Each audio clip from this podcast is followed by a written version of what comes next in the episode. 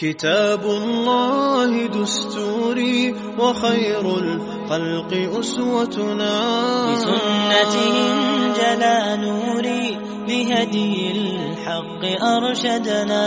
كتاب الله دستوري وخير الخلق أسوتنا. بسنته جلا نوري بهدي الحق أرشدنا. كتاب العالمين ولا عقبة للمتقين ولا عدوان إلا على الظالمين. والصلاة والسلام على خير الخلق أجمعين محمد بن عبد الله وعلى آله وصحبه أجمعين. اللهم علمنا ما ينفعنا وانفعنا بما علمتنا وزدنا علما يا كريم.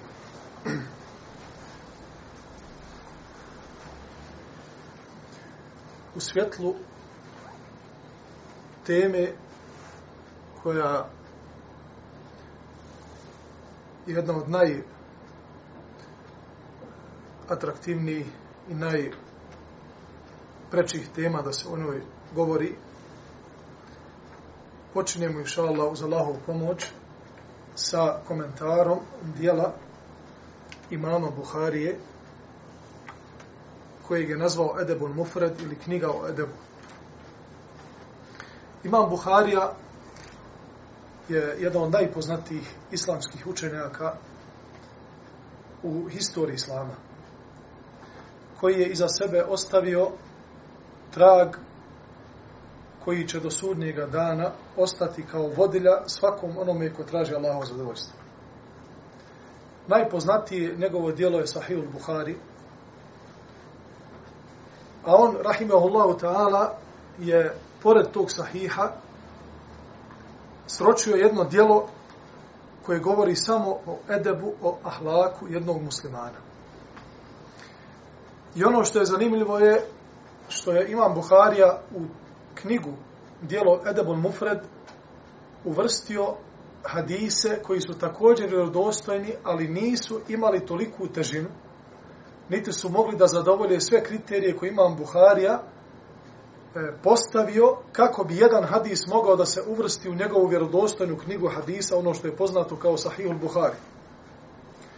Tako da je hadise koje je naveo u Sahihu i ostale hadise koje je Rahimahullahu ta'ala sakupio senedom do Allahu poslanika ali salatu wasalam kao vjerodostojne, međutim nisu zadovoljavali kriterije njegove kako bi uvrstio u Sahih, stavljao bi u knjigu Edeba iako u samom sahihu, u samom poznatom dijelu imama Buharije, postoji poglavlje o edebu. Međutim, zbog bitnosti ove teme i zbog bitnosti ahlaka jednog muslimana, imam Buharija se odlučio da upravo od toliko poglavlja i toliko tematike koja je bitna u islamu, napravi jedno dijelo u jednom tomu i nazove ga Edebul Mufred. Imam Buharija se rodio krajem drugog stoljeća po islamu, po hijđri, 1994. E, po hijđri, ili 810. godine po gregorijanskom računanju vremena. Njegovo pravo ime, puno ime je Ebu Abdillah, to mu je, bilo, to mu je bio nadimak, Muhammed ibn Ibrahim, ibn Ismail, ibn al-Mughira, ibn Bardizbeh al-Bukhari, rahimahullahu ta'ala govoriti o edebu, o ahlaku, znači govoriti o cjelokupnom islamu.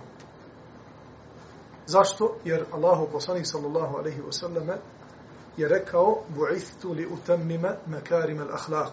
Poslan sam. Cilj moje poslanice, cilj toga što me Allah Đalešanohu poslao jeste da upotpunim lijepe čudi. I nema niti jedne pore u islamu ticala se ona odnosa nas kao muslimana prema Allahu Đalešanu. Ticala se nas, muslimana, iz odnosa između nas i našeg poslanika, sallallahu alaihi ve sellem Ili nas sa samim sobom, ili sa drugim ljudima, u svim tim odnosima postoji ahlak, postoji edeb, koji se mora ispoštovati kako bi taj odnos bio zdrav. Pa u samom ibadetu, u samom namazu, u samoj dovi, samom strahu od Allaha Đalešanuhu, samom izbjegavanju grijeha, u svemu onome što Allah Đalešanuhu voli i ra, rada po onome što je naredio, postoji ahlak. Jer Allah poslanik sallallahu alaihi wa sallame u hadisu kojeg e, prenosi Ebu Hureyre radijallahu anhu, a bileži ovaj hadis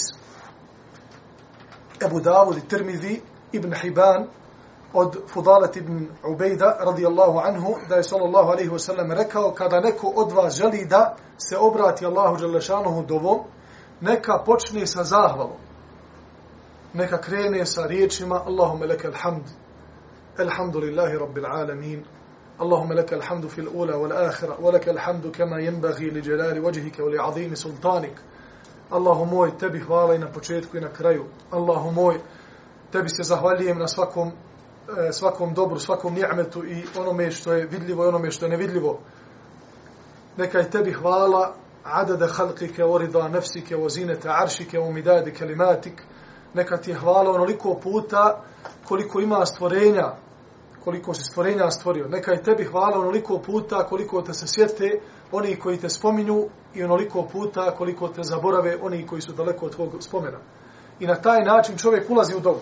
Zatim, postoji edeb nakon toga da spominješ i veličaš svoga gospodara. Da ga počneš prizivati njegovim lijepim imenima. Walillahi l-esma'u l-husna fed'uhu biha. Allah ima subhanahu wa ta'ala svoja lijepa imena i svojstva savršenstva. Fed'uhu biha. Allah subhanahu wa ta'ala u Kur'anu naređuje dovite i prizivajte Allaha sa njegovim imenima i sa njegovim svojstvima. Pa kreneš ako želiš da se Allah smiluje, kreneš sa riječima Ja Rahman, o milostivi, Ja Rahim. Ako želiš da ti Allah Đalešanu nešto dadne, tražiš od njega neku blagodat, ovo dunjavučku, ahiretsku, kažeš mu Ja Karim, Ja Jawad, Ja Raufur Rahim. Znači, e, ako želiš da Allah Đalešanuhu uništi neprijatelja Islama, kažeš mu ja muntak, e, kažeš ja muntakim, ja aziz, ja džabbar. Nećeš reći Allahum uništi e, neprijatelja Islama i reći ja gafar. Znači imaju edebi kako se sa Allahom Đalešanuhu postupa u dobi. Imaju edebi kako se sa Allahom Đalešanuhu postupa u namazu. Kako će stati pred, stat pred Allahom. Allah, poslanik alaihi salatu wasalam, nas je naučio gdje da gledamo namazu, kako da ruke držimo, kako da stanemo, gdje naša glava treba da bude, da li da bude skroz povijena ili podignuta gore. Sve su to, braću moja, adabi, ahlak jednog muslimana u odnosu sa Allahom Đalešanom. Dobro sa poslanikom, alaihi salatu wasalam.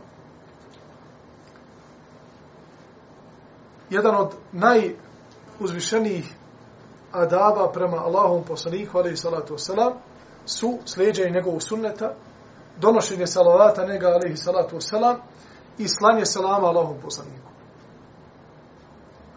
I učenje, učenje dove nakon ezana, jer je Allahom poslanik, sallallahu alaihi wasallam, svome ummetu preporučio da dove Allahu Đelešanuhu za obećano mjesto svome poslaniku, kaže, jer ja se nadam da el wasile, to je posebno mjesto koje će biti dato našem poslaniku, kaže Allah poslanik i to iz, iz e, poniznosti sprem njegovog mjesta kod Allaha Đalešanu kaže ene urđa ili kaže ja se nadam da će to mjesto biti, da će pripadati meni.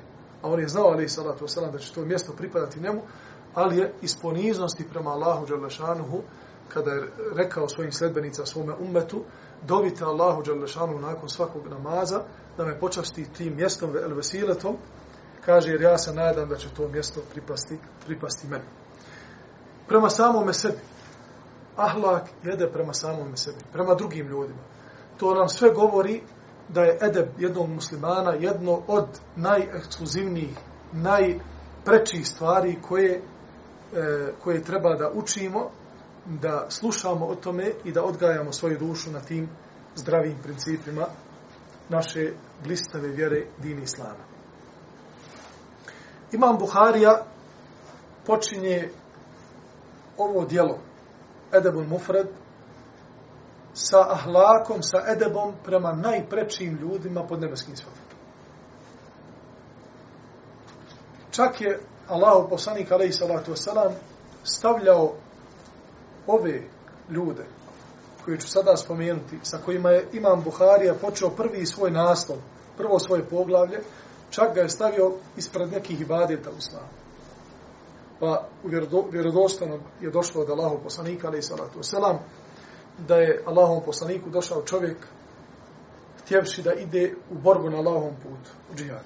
Pa mu kaže Allahu poslanik, sallallahu alaihi wasallam, jesu li ti roditelj živi? On kaže da, kaže fafihim tužahid. Idi kod njih i budi im dobročinitelj i to je tvoj džihad na Allahom a drugi čovjek je došao Allahom poslaniku, alaih salatu wasalam, i rekao mu Allaho poslaniče, ja želim s tobom da učinim hijđru, znavši, braću moja, da je hijđra u doba Allahu poslanika, alaih salatu wasalam, onda kada je Allah Đalešanu naredio muslimanima da sele iz Mekije u Medinu, bila farz. Svim muslimanima. I rekli smo na prošlom prodavanju da je hijđra bila e, pored toga što je naređena, bila uzrokom bila uzrokom da se određeni islamski propisi izgrade na osnovu hijđre. Tako da oni koji su učinili hijđru od muslimana imali su posebne propise u islamu, a oni koji nisu učinili hijđru, koji su ostali u Meku od slabih muslimana ili oni koji nisu mogli da napuste svoje porodce, imali su također kroz Kur'an i Sunnet određene propise koji se ticali njih. Što znači da je hijđa bila veoma bitna i to nam isto govori i naš kalendar po kojem mi računamo vrijeme da je to jedna od najznačajnijih događaja u historiji čovječanstva. Hidža Allahov poslanika, ali salatu selam. Pored toga, Allahov poslanik, čovjek koji mu dolazi i kaže hoću da učinim sa tom hidžru, ali sam ostavio roditelje kako plaču. Zašto ih je ostavio? Zato što im je rekao da će ide i napusti. Da će ide sa Muhammedom sallallahu alaihi wasallam za Medinu. Pa ih je ostavio da plaču, pa mu kaže Allahov poslanik, idi kući i razveseli ih i nasmiji ih onako kako si ih rasplakao. Naređujemo Allahu poslanika ali salatu selam da se obhodi prema svojim roditeljima kako to najljepše dolikuje na ovom svijetu. A imam Buharija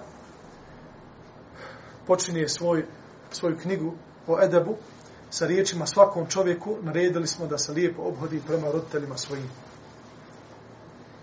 Od Abdullah ibn Mas'uda radijallahu anhu kale سألت النبي صلى الله عليه وسلم أي العمل إلى الله أحب Abdullah ibn Mesud je rekao pitao sam Allahu poslanika sallallahu alaihi wa sallam koje dijelo je najdraže uzvišeno Allahu subhanahu wa ta'ala. Ovo pitanje Abdullah ibn Mesuda nam otkriva da kod Allaha dželnašanuhu nisu sva dijela jednaka. I da imaju dobra dijela i imaju bolja djela. Da imaju vrijedna djela i imaju djela koja su vrijedni od njih. Zbog toga je sallallahu alejhi ve rekao kada mu'min, musliman, zanijeti neki hajr, zanijeti neki hajr, zatim vidi u toku tog svoje namjere da uradi to dobro djelo, djelo koje je bolje kod Allaha Đalešanuhu od tog djela, kaže, uradit će ono djelo koje je bolje kod Allaha subhanahu Neće time, E, da kažemo, E, nešto uraditi što je zabranjeno, kao što možda neki ljudi smatraju da ako je već namjerio ili zanijetio da uradi neko dobro djelo, a na tom putu ga sretne bolje djelo od toga, kaže ja sam zanijetio, ja moram to da ispoštujem, Allaha radi zato što sam već namjerio da uradim to, to dobro djelo, sunnet Allahu poslanika nas upućuje na suprotno toga.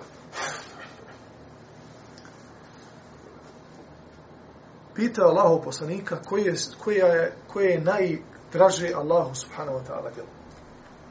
To su bili ashabi. To je bila generacija koja nije samo htjela da uđe iza vrata džennetski.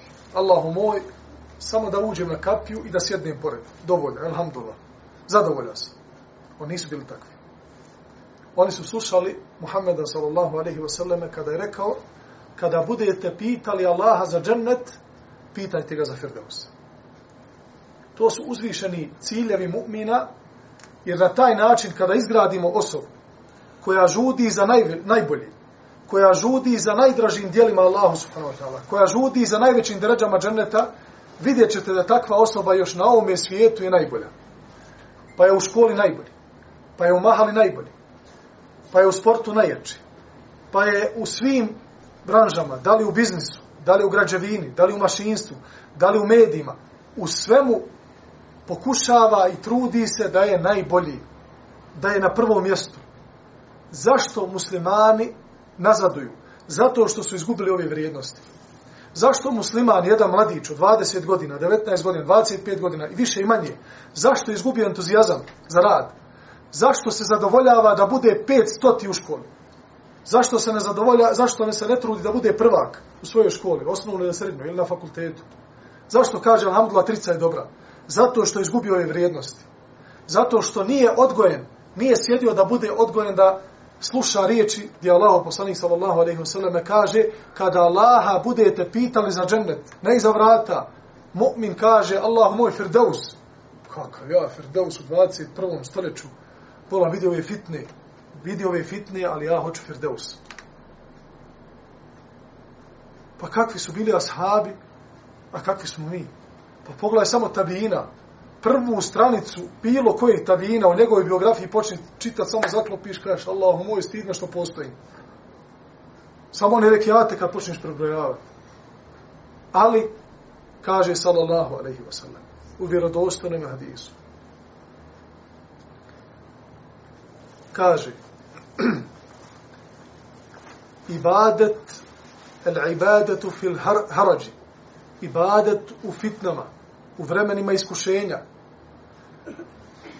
ta'dilu hamsine minkum je u istoj ravni isto je toliko težak taj ibadet kao ibadet 50 ashaba ovoga dana. Ashabi se čude. Kako jedan čovjek u iskušenju u ovim danima, kada bude ibadetio, kada bude daleko od grijeha, kada bude predan Allahu subhanahu wa ta'ala i pored toga ne može da obavi sve ono što su obavili ashabi, imaće nagradu 50, kaže sallallahu alaihi wa sallame, i ovo otkriva zbog čega je toliko vrijedan i badet u ovim danima, kaže innekum teđidune ala ibadeti avanen. Vi, kaže, u svom ibadetu, u ovome u čemu se vi nalazite, pronalazite one koji će vas pod pomoći sa desne strane u prvom safu Ebu Bekr, sa lijeve Omer, tamo malo baciš pogled Osman, Alija tu ispred, Allaho poslanik u mihrabu, ma volan klanjač, 24 sat.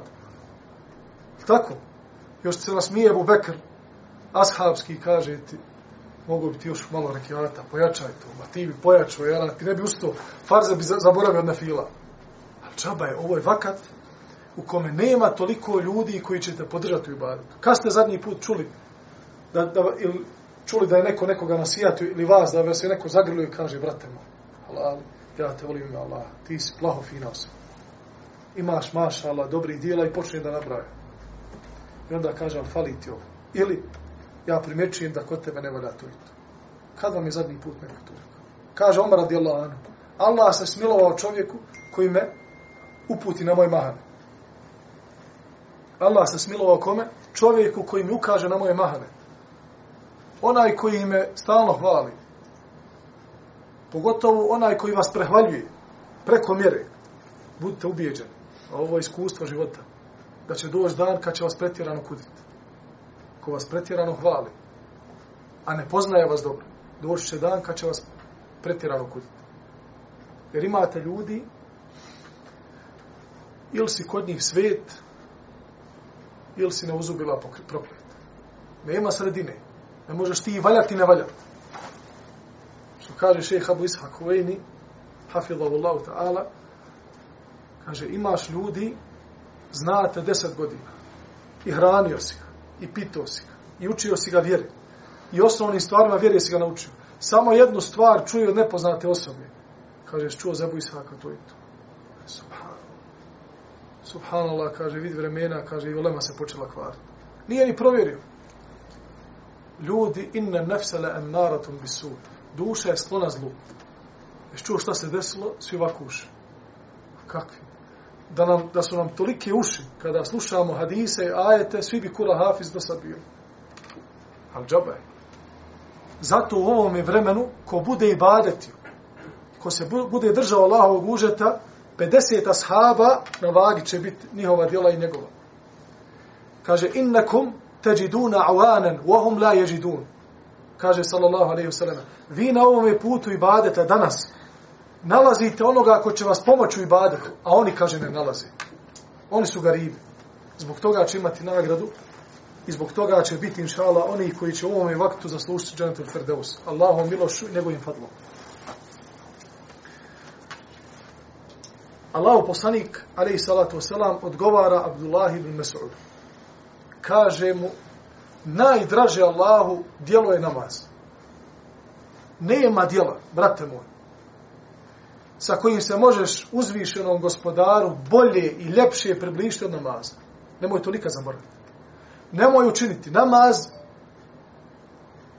preprekom za činjenje tvojih dobrih dijela. Šta hoću time da kažem? Radiš dobra djela. Bilo koja dobra djela. Dobročinstvo prema roditeljima, izmetiš braći, radiš za dobro, dobrobit tvoje kuće, na faka, brate. Na kraju dana da doneseš novac svoje kući i to i badet. Ali nemoj činiti taj ibadet i onda kad dođe vrijeme namaza, hajde začas da sklanjamo, da bi se ja ponovo vratio dobrim dijelima. Znaj, brate moj, da nema dobrog dijela pod nebeskim svodom, koje je kod Allaha Đalešanu draže od namaza. Zato kad dođe vakat namaza, namaz. Kad završi namaz, alhamdulillah, idemo dalje. Ali, rihna biha ja Bilal. Bilale, zauči nam ezan da se odmori. Od čega? Jer tu Allah, poslanik alaih salatu selam, prije namaza bio u nekom belaju. Jer tu nije zikrio prije namaza. Ili nije bio sa ashaba, ili nije radio dobra djela. Ili nije bio probran. Ali je alaih salatu selam znao da kod Allaha Đalešanu je najvredniji, najvredniji djelo namaza. Zbog toga je govorio Bilalu, rihna biha ja Bilal. Daj nam da se odmorimo sa namazom prouči nam ezan, jedva čekamo podne, jedva čekamo akšam jaciju, jedva čekamo sabor. To su bili i tu, načela koja se držala, čija su, načela koja su bila i v, u, u tolikoj, e, toliko su skretala pažnja sahabima i toliko su bila u ekspanziji da su oni uživali u svakom trenutku svoga života. Zatim je rekao, Kultu thumme ej, Zatim Abdullah ibn Mesud, hoće još. Kaže, zatim Allah poslaniče, koji je? Thumme birru luvalide. Nakon namaza, društvene okolnosti. Tvoj ahlak, tvoj moral tu treba da izvire. Tvoj sabor prema roditeljima koji su možda već u godinama, koji te gledaju, iako imaš 20, 30, 40 godina, ti si za njih malo dijete. Ti možeš biti doktor, možeš biti akademik, možeš biti dekan univerziteta, za tvog babu i tvoju majku ti si jedno malo dijete koje ne zna da se okrene kako treba. I oni se prema tebi tak, kao takvi ponašaju. Hoćeš li osaburati? Hoćeš se strpiti sa onima koji su te gledali kada ništa nisi znao. Koji ste prve riječi naučili. Prve korake. Pa su budno gledali, hoćeš pas na kreveta hoćeš li poplest nogu, od nogu od prvim koracima, da udar, ne udariš glavom hranili te onda kada da si bio ostavljen, ne bi se mogao sam nahraniti. Davali ti ono što si mogao jest kad zube nisi imao. Sve to roditelj. I više od toga. Pa Abdullah ibn Masud rekao, zatim koja? Koja djela? Su, povećam je Allah poslanič. Pa je rekao, džihad na Allahom putu. Kale, haddeseni bihim, volevo istezettuhu lezadani. Kaže Abdullah ibn Masud, da sam stidio se, nije više pitao, ali kaže da sam i dalje rekao, a zatim koje djelo, Allaho poslanik bi zasigurno i dalje odgovarao, međutim, postidio se Abdullah ibn Mesud da dalje uznemirava i da pita Allahov poslanika, sallallahu alaihi wasallam, što normalno govori o edebu onoga koji pita. O edebu onoga koji pita. Jer lijepo je pitati, onaj ko pita ne skita, ali pitanje treba da ima svoje vrijeme, svoj način, da e, to pitanje, e, ako vidiš da u datom momentu uznemirava onoga koga pitaš, odgodiš tako dalje, pitaš da li je moment, dobar moment pita, nazoveš na telefon, salam alik, alikum, salam, imam pitanje. Pita se da li imaš vremena i tako. To sve adabi, bontoni, islama, na koji način postupati sa onim koga pita. Abdullah ibn Omer radijallahu anhu je rekao Rida rabbi fi rida l-walidein, el-walid, sahat rab fi sahat l-walid. Ovdje Abdullah ibn Omer sigurno crpeći sve ono što je spoznao od Kur'ana i sve ono što je spoznao od sunneta Muhammeda alaihi salatu wasalam, daje jednu definiciju. Pa kaže, zadovoljstvo gospodara je u zadovoljstvo roditelja. A srčba gospodara je u srčbi roditelja. I onda ti staviš šablon. I pogledaš jednostavno da li Allah Đalešanu sa tobom zadovoljen ili nije. Pa onda upitaš svoje roditelje, jeste li vi zadovoljni sa mnom? I dobit ćeš adekvatan odgovor za nekoliko sekundi. Ako babo i majka kažu sine Boga mi, nismo zadovoljni. Moglo bi bolje. Nemoj oklijevat da odmah pomisliš da je Allah srdit na tebe. Ako su tvoji roditelji srditi na tebe. A postoji velika mogućnost da svako onaj, i to ćemo inša Allah dokazati narednim hadisima, svako onaj ko obavlja namaz i daje pravo osnovnim principima islama. A njegovi roditelji su zadovoljni sa njim da je Allah subhanahu wa ta'ala zadovoljan s takvim čovjekom.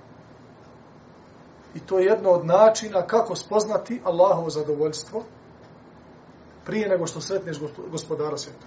Kao što imaju alamet, imaju znakovi, da li te Allah voli ili ne voli. Imate, imate cijela predavanja koja govore o tome kako spoznati je li me Allah subhanahu wa ta'ala zavolio ili ne. Pa ćete onda vidjeti tamo shodno Koranu, shodno hadisima, shodno onome što su rekli islamski učenjaci, tumačići određene kuranske ajete, da spoznamo da li nas Allah subhanahu wa ta'ala voli idemo putem hajra ili, ili nije tako. Od Muavije ibn Hajde se prenosi da je rekao, kultu ja Rasulallah, men ebar, Allahu poslaniće, kome da činim dobročinstvo? Ahbabima, komšijama, siromasima, gdje da ide, na kraj svijeta. Pa je Allah poslanik, ali sallatu wasalam, uputio na najbližu osobu njemu. Pa mu kaže, umuk, svoju majku. Opet ga pita, zatim koga, dobro, majku, zatim koga. Allahu poslanik, ali salatu salam, Allahu alem, ono što, što se može primijetiti sa hadisa, primijetio kao da ovaj čovjek želi da želi još hajra, ali nije stavio akcenat. Tio je samo da pređe, ono, dobro, majku, idemo dalje. Kaže, Allah poslanik, majka. Dobro, zatim, Allah poslanik, ko da je radoznal da sazna koga još to on treba da, kao majka, lako će vas majku. Pa mu Allah poslanik, ali salatu salam, po treći put kaže, ummeke, tvoju majku, je čovjek zastao. Thumma men, Zatim koga? Kaže svog babu. Majka i baba. Od Ata ibn Jesara se prenosi da je a njemu je ispričao Ibn Abbas ovaj događaj desilo se Ibn Abbasu da mu je došao čovjek i rekao o Ibn Abbas zaprosio sam djevojku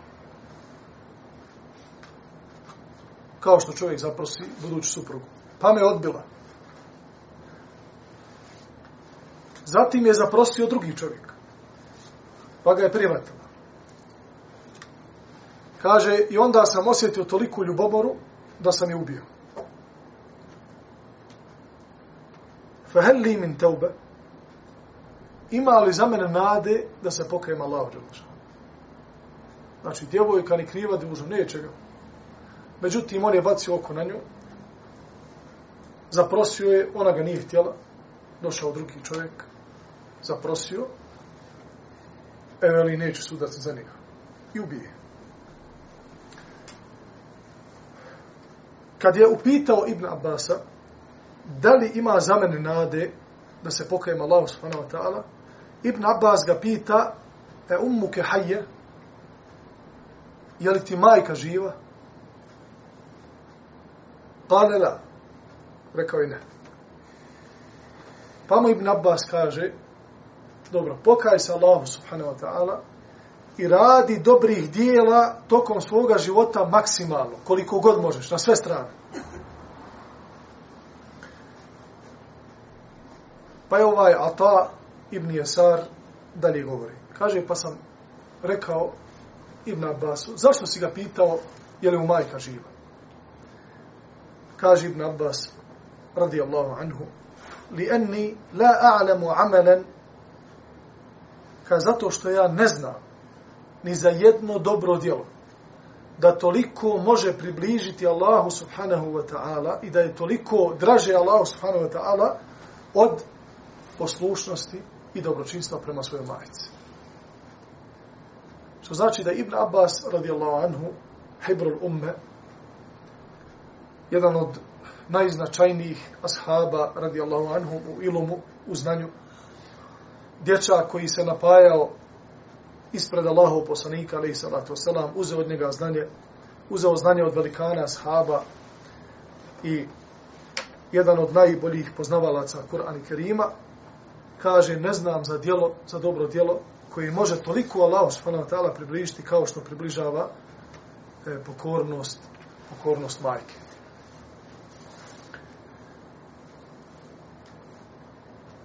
Također imam Buharija u ovom poglavlju govori o poslušnosti prema ocu i navodi iste hadise koje je navodio i za majku.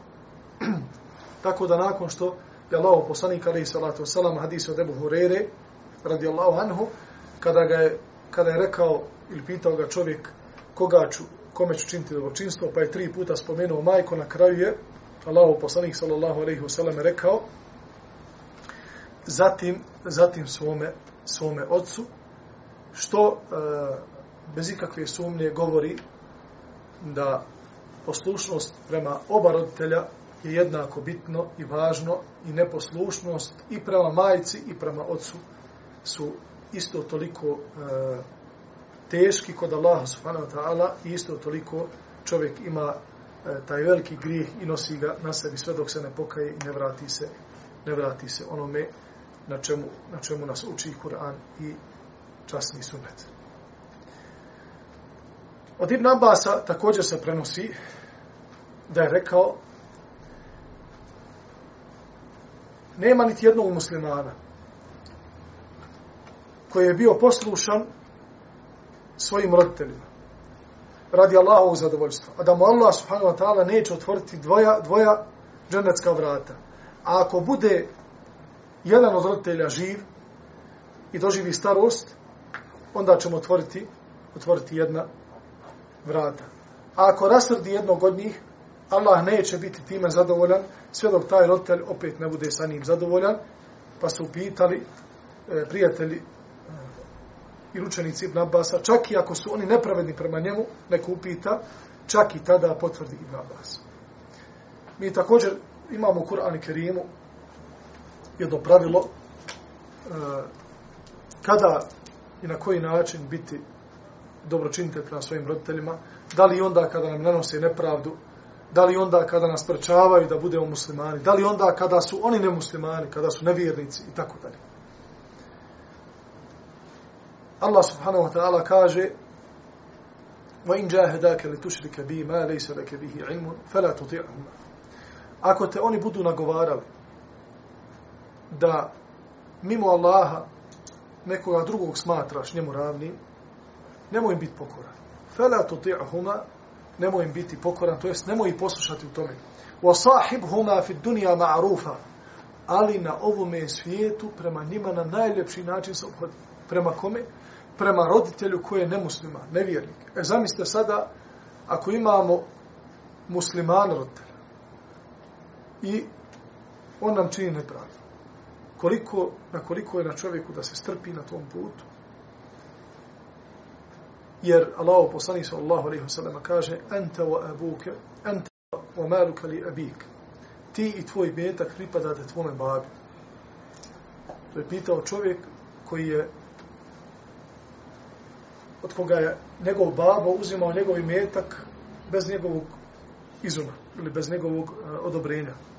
Pa je upitan Allahu poslanik sallallahu alejhi ve selleme o tome, pa odgovorio tom čovjeku, ti i tvoj metak pripadate tvome babi, to jest može da upravlja time kako, kako on hoće. Od Tajle se ibn Mejasa se prenosi, kaže, bio sam sa sljedbenicima Neđdija, sa Neždatima. To su bile Haridžije tog vremena. Imali su jednog čovjeka koji se zvao Neđdi i oni su odmah sebe zvali po njegovu imenu.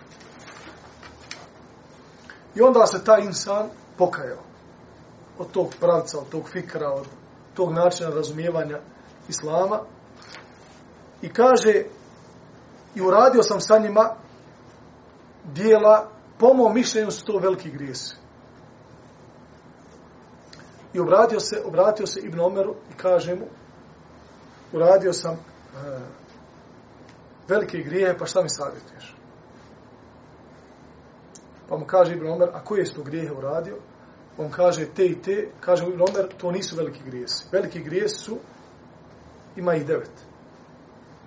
A prije što spomenemo velike grijehe, e, spomenut ću jednu zanimljivu situaciju koja se može razumjeti iz, iz ove predaje, to jeste da koliko god stramputice bile ostavljene od strane jednog čovjeka,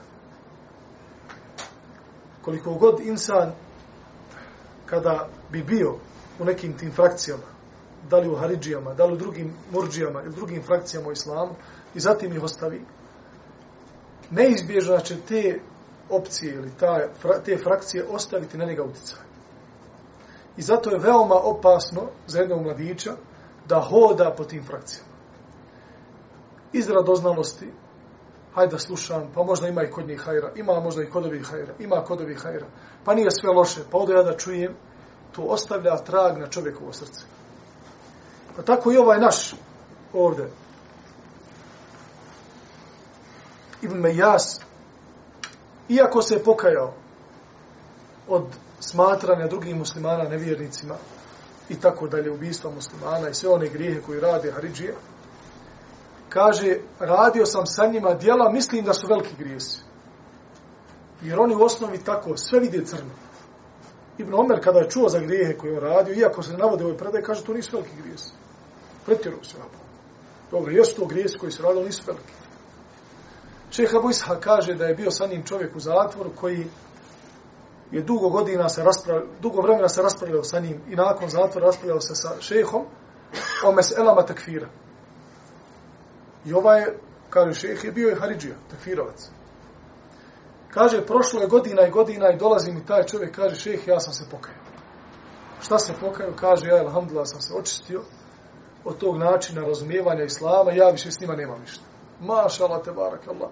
Kaže, sad samo pozivam čistom sunnetu, kaže, družim se sa, sa pravim ljudima, alhamdulillah. Kaže, imao jedan problem, koji ga i dalje pratio, nikada ga se nije mogu riješiti. Koji, kad se naljuti, počne da tekvira ljudi. Znači, kad je no, normalno, ovako sve fino, jede, pije, znači sve ono, oni, oni leveli su. Čim ga neko nanervira, čim nije svoj, ma, kaj da boda, Allah i ubio, vidi nevjernika, neprijatelja islama. Nikad se toga nije mogo riješiti.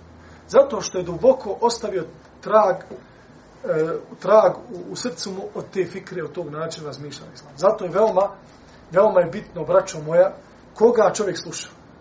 Veoma je bitno da se ne izlažemo šubhama. Jer nisu svi ljudi sposobni da čuje šubhu, čuje neku sumnju i da na nju uzvrati. Čak i šubhu orientalista, čak i šubhu novotara, čak i šubhu raznih ljudi koji pozivaju svojim frakcijama.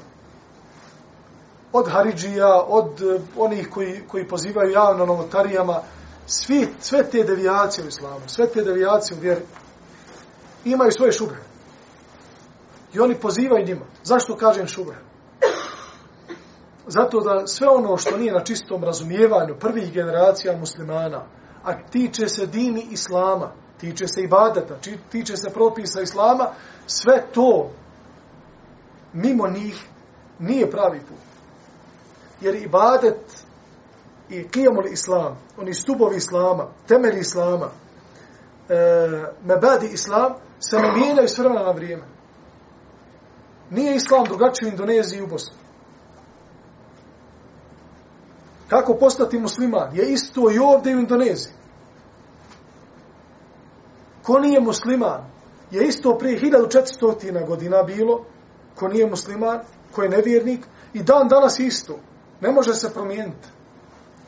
Zato islam nije ostavljen da se tumači shodno strastima ljudi i njegovim njihovim prohtjevima. Jer ljudi imaju razne prohtjeve. Neko ima prohtjeve da olakša svima. Ha, sve ruže, sve cvijeće. Maša, neka nas. Neka nas viju. Šaremlo, mašala, kaže. Vidi bašte. Pa dobro, vidi bašte, ali je li ovo po Koranu i po sunnju? Nije. Drugi ima svoj strast. Sve gleda na, na, na crno. Moraju biti naoštreni noževi meso mora se reži, samo po sredini, lako ljudno, ba nisu mesarima. S ljudima bolan komunicira. Nisi zaklo bika, pa treba da ga sad izrežeš popola, pa treba ti snage da, da mu kičmu slomiš. Ovo je čovjek ispred tebe. Laho biće. Polako sa njim, pa možda se uputi. Pa vidiš ga šta priča o islamu. Pa, najveći velikana islama, pa ćemo vidjeti da prije što su primili islam, da su govorili ovako, onako, Omer ibn Hattab radijallahu čovjek preko koga je Allah pomogao islam. Kada ga je uputio, kažu ashabi, zajedno sa Hamzom, sa Muhammedom, ali i salatu sa Sebu Bekru, sa svim drugim ashabima. Dok nije Omer primio islam, nismo, kaže, mogli serbez da idemo oko, oko Kjabe da tavafimo. Kad je Omer primio islam, kaže, tavaf oko Kjabe, niko nam ništa ne smije. Ali prije toga Isu kao sablju kaže, odo da ubijemo onog Muhammeda. Polako sa ljudima. Što znači da islam se ne tumači i ne može se islam uklopiti sa tvojim strastima, brate. Nego ti i tvoje strasti i tvoje protiv treba da se uklope unutar islama. Gdje nam je dokaz za to? U hadis koji se nalazi u Buhari i Muslim, gdje kaže sallallahu alaihi wa sallam, la yu'minu ahaduku, neće od vas niko istinski povjerovati u Allaha, hatta yakuna hawahu tab'an lima ji'tu bih. Neće niko od vas biti istinski vjernik sve dok svoje strasti, svoje prohtjeve, svoju havu u svojim prsima ne podredi onome sa čime sam došao. Tek tada. Ali, ma tu, maša Allah, predaja, razni, sad ću ja naći nešto što godi moje duše. A strasti su čudo. Nije samo strast popiti alkohol i zapaliti cigaretu. I pojesti ono što je haram. To su male strasti koliko imamo strasti unutar islama. Unutar vjere. Pa on hoće da se sve pita. Pa on hoće da Allah Đalešanu zano sve ljude pobije na svijetu. Jer on nešto, nešto njemu u glavi došlo, toliko se on rasrdio kada je dao će Allah dati one gromove, a samo njega da ostavi nego i para bava. Ne može tako ja raditi. Pa pitaj sebe, možda ovakva situacija što jest oko tebe, možda se, možeš i ti na sudnjem danu biti pitan za nju. Što sebe ne bi tako, što ne bi tako krenuo. Da sebe smatraš odgovorni za situaciju. Kako? Ja nisam. Elhamdulillah. Hvala Allahu. Moje srce, brate moj. Tako se razmišlja. Druga stvar. Nikada nemojmo gubiti nadu Allahu milost. Nikada. Ono što je teže od grijeha, dobro ovo shvatite, ono što je teže od grijeha, i ono što je teže od onoga što ljudi rade, jeste tvoje mišljenje o Allahu da je Allah nemoguć da te ljude uputi. To je još gore od onoga što oni rade. Još gore je od onoga što oni rade da kažeš oni nikada neće biti upućeni pravi. Također je vjerodostojno došlo od Allahu poslanika sallallahu alejhi ve sellem da su kaže onda kada su živjeli sinovi Israilovi da su bila dva baba, jedan vjernik, drugi u gafletu neće da čuje ni za Allaha, ni za namaz, ni za što. Ovaj drugi se trudio. Vjerni ga je stalno upozoravao. Hajde, bola, kad ćeš džan? Kad ćeš više prestati grije da radiš? Poznavamo se godinama. Pa pogledaj moj život, pogledaj svoj. Pa vi šta si uradio svog života? Sve dok mu ova jednog dana nije mu'min do, dojadio i kaže mu ovaj, pusti me više mene i mog gospodara. Ja ću sa njim kako ja znam. Ne zna nikako. Tako mu je ispalo iz, iz usta. Kaže mu vjernik, Allah ti nikad oprosteće. Kaže sallallahu alaihi wasallam. Doći će na sudnjemu dan ta dva čovjeka. Allah neće pitati ovoga što se radi o grije. Znate koga će pitati? Reče onom vjerniku, onom uminu, reći će mu, otkud tebi pravo da sebi pripišeš moje osobine? Koje su to osobine? Da je Allah jedini kadar da uputi i ostavi u zablud. Da on jedini kadar da on uvede u džennet koga on hoće. I svoje milosti. A da ostavi u kazni u vatri onoga koga on hoće. Ko je jedini tome kadar? Uzvišeni gospodar. Pa kako onda daješ sebi pravo da ti nekoga uvedeš u džennet, a nekoga u džennet? Ako je to isključivo ekskluzivno Allahovo pravo. Pa šta si ti time uradio? Ti si rekao, ja sam gospodar, ja raspoređujem. Pa je Allah subhanahu wa ta'ala nakon toga se obratio ovom griješniku. Kaže, zašto si radio grije? Kaže, gospodar, bio sam ubijeđen da sa svojim grijesima neću moći umanjiti od tvoje veličine. Pa šta su tvoje grije sprem tvoje veličine, tvoje vlast, tvoje moći, tvog sveznanja, tvog, tvoje vlasti nad kosmosom, nad svime što postoji, ono što znamo, ono što ne znamo. Šta sam ja? Šta ja tu mogu da povrčim? Kaže, ja sam smatrao da svojim grijesima neću moći umanjiti od tvoje veličine, i želimo da to nešto pokušava. Nego džaba je, slaba duša. Meleci, uzmite ovoga čovjeka što je griješio, uvedite ga u džennet. Uzmite ovoga i ubacite ga u vatru. To je jedan od najtežih hadisa koji sam, kad sam prvi put pročitao, najteži hadis koji sam pročitao u svom životu. Nakon toga sam zatvorio knjigu, nisam mogao da nastavim ders. A bili smo na javnom predavanju, sam čitao pred šehom knjigu. Rekao sam, ne mogu više. Ovo je meni danas dosta, kad razmislim dobro ovom hadisu, onda ću nastaviti.